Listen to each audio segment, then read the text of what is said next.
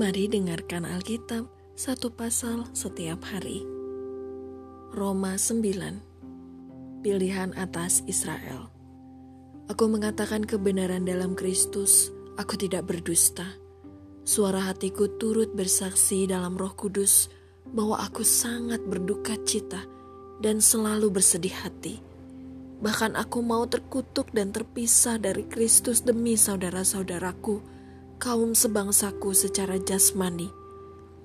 Sebab mereka adalah orang Israel. Mereka telah diangkat menjadi anak dan mereka telah menerima kemuliaan dan perjanjian-perjanjian dan hukum Taurat dan ibadah dan janji-janji. Mereka adalah keturunan bapak-bapak leluhur yang menurunkan Mesias dalam keadaannya sebagai manusia yang ada di atas segala sesuatu. Ia adalah Allah yang harus dipuji sampai selama-lamanya. Amin. Akan tetapi, firman Allah tidak mungkin gagal, sebab tidak semua orang yang berasal dari Israel adalah orang Israel, dan juga tidak semua yang terhitung keturunan Abraham adalah anak Abraham, tetapi yang berasal dari Ishak yang akan disebut keturunanmu. Artinya, bukan anak-anak menurut daging adalah anak-anak Allah, tetapi anak-anak perjanjian yang disebut keturunan yang benar. Sebab firman ini mengandung janji. Pada waktu seperti inilah aku akan datang dan Sarah akan mempunyai seorang anak laki-laki. Tetapi bukan hanya itu saja lebih terang lagi ialah Ribka yang mengandung dari satu orang, yaitu dari Ishak, bapa leluhur kita. Sebab waktu anak-anak itu belum dilahirkan dan belum melakukan yang baik atau yang jahat, supaya rencana Allah tentang pemilihannya diteguhkan, bukan berdasarkan perbuatan, tetapi berdasarkan panggilannya. Dikatakan kepada Ribka, anak yang tua akan menjadi hamba anak yang muda. Seperti ada tertulis, aku mengasihi Yakub, tetapi membenci Esau. Jika demikian, apakah yang hendak kita katakan? Apakah Allah tidak adil? Mustahil, sebab Ia berfirman kepada Musa, "Aku akan menaruh belas kasihan kepada siapa aku mau menaruh belas kasihan." Dan aku akan bermurah hati kepada siapa aku mau bermurah hati. Jadi hal itu tidak tergantung pada kehendak orang atau usaha orang, tetapi kepada kemurahan hati Allah.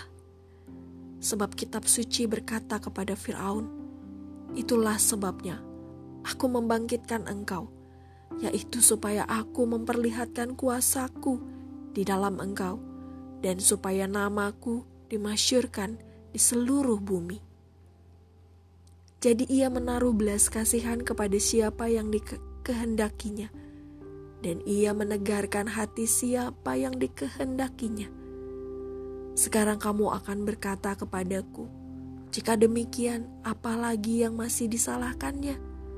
Sebab siapa yang menentang kehendaknya? Siapakah kamu, hai manusia? Maka kamu membantah Allah Dapatkah yang dibentuk berkata kepada yang membentuk, "Mengapakah engkau membentuk aku demikian?" Apakah tukang periuk tidak mempunyai hak atas tanah liatnya untuk membuat dari gumpal yang sama suatu benda untuk dipakai guna tujuan yang mulia dan suatu benda lain untuk dipakai guna tujuan yang biasa?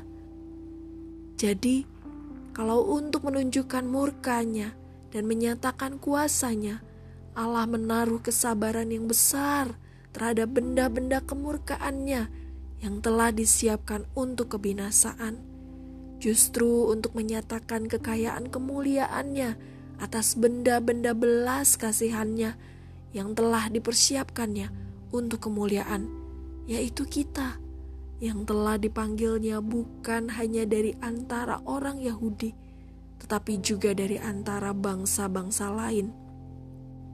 Seperti yang difirmankannya juga dalam kitab Nabi Hosea, yang bukan umatku akan kusebut umatku, dan yang bukan kekasih, kekasih. Dan di tempat di mana akan dikatakan kepada mereka, kamu ini bukanlah umatku. Di sana akan dikatakan kepada mereka, anak-anak Allah yang hidup. Dan Yesaya berseru tentang Israel. Sekalipun jumlah anak Israel seperti pasir di laut, namun hanya sisanya akan diselamatkan. Sebab apa yang telah difirmankannya akan dilakukan Tuhan di atas bumi, sempurna dan segera. Dan seperti yang dikatakan Yesaya sebelumnya, seandainya Tuhan semesta alam tidak meninggalkan pada kita keturunan, kita sudah menjadi seperti Sodom dan sama seperti Gomora. Keselamatan bangsa-bangsa lain dan kesesatan orang Israel. Jika demikian, apakah yang hendak kita katakan? Ini, bahwa bangsa-bangsa lain yang tidak mengejar kebenaran telah beroleh kebenaran, yaitu kebenaran karena iman. Tetapi bahwa Israel sungguh pun mengejar hukum yang akan mendatangkan kebenaran, tidaklah sampai kepada hukum itu. Mengapa tidak? Karena Israel mengejarnya bukan karena iman, tetapi karena perbuatan.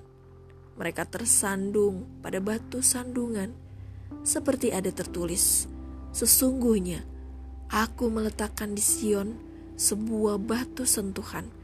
dan sebuah batu sandungan, dan siapa yang percaya kepadanya tidak akan dipermalukan. Terima kasih sudah mendengarkan. Tuhan Yesus memberkati.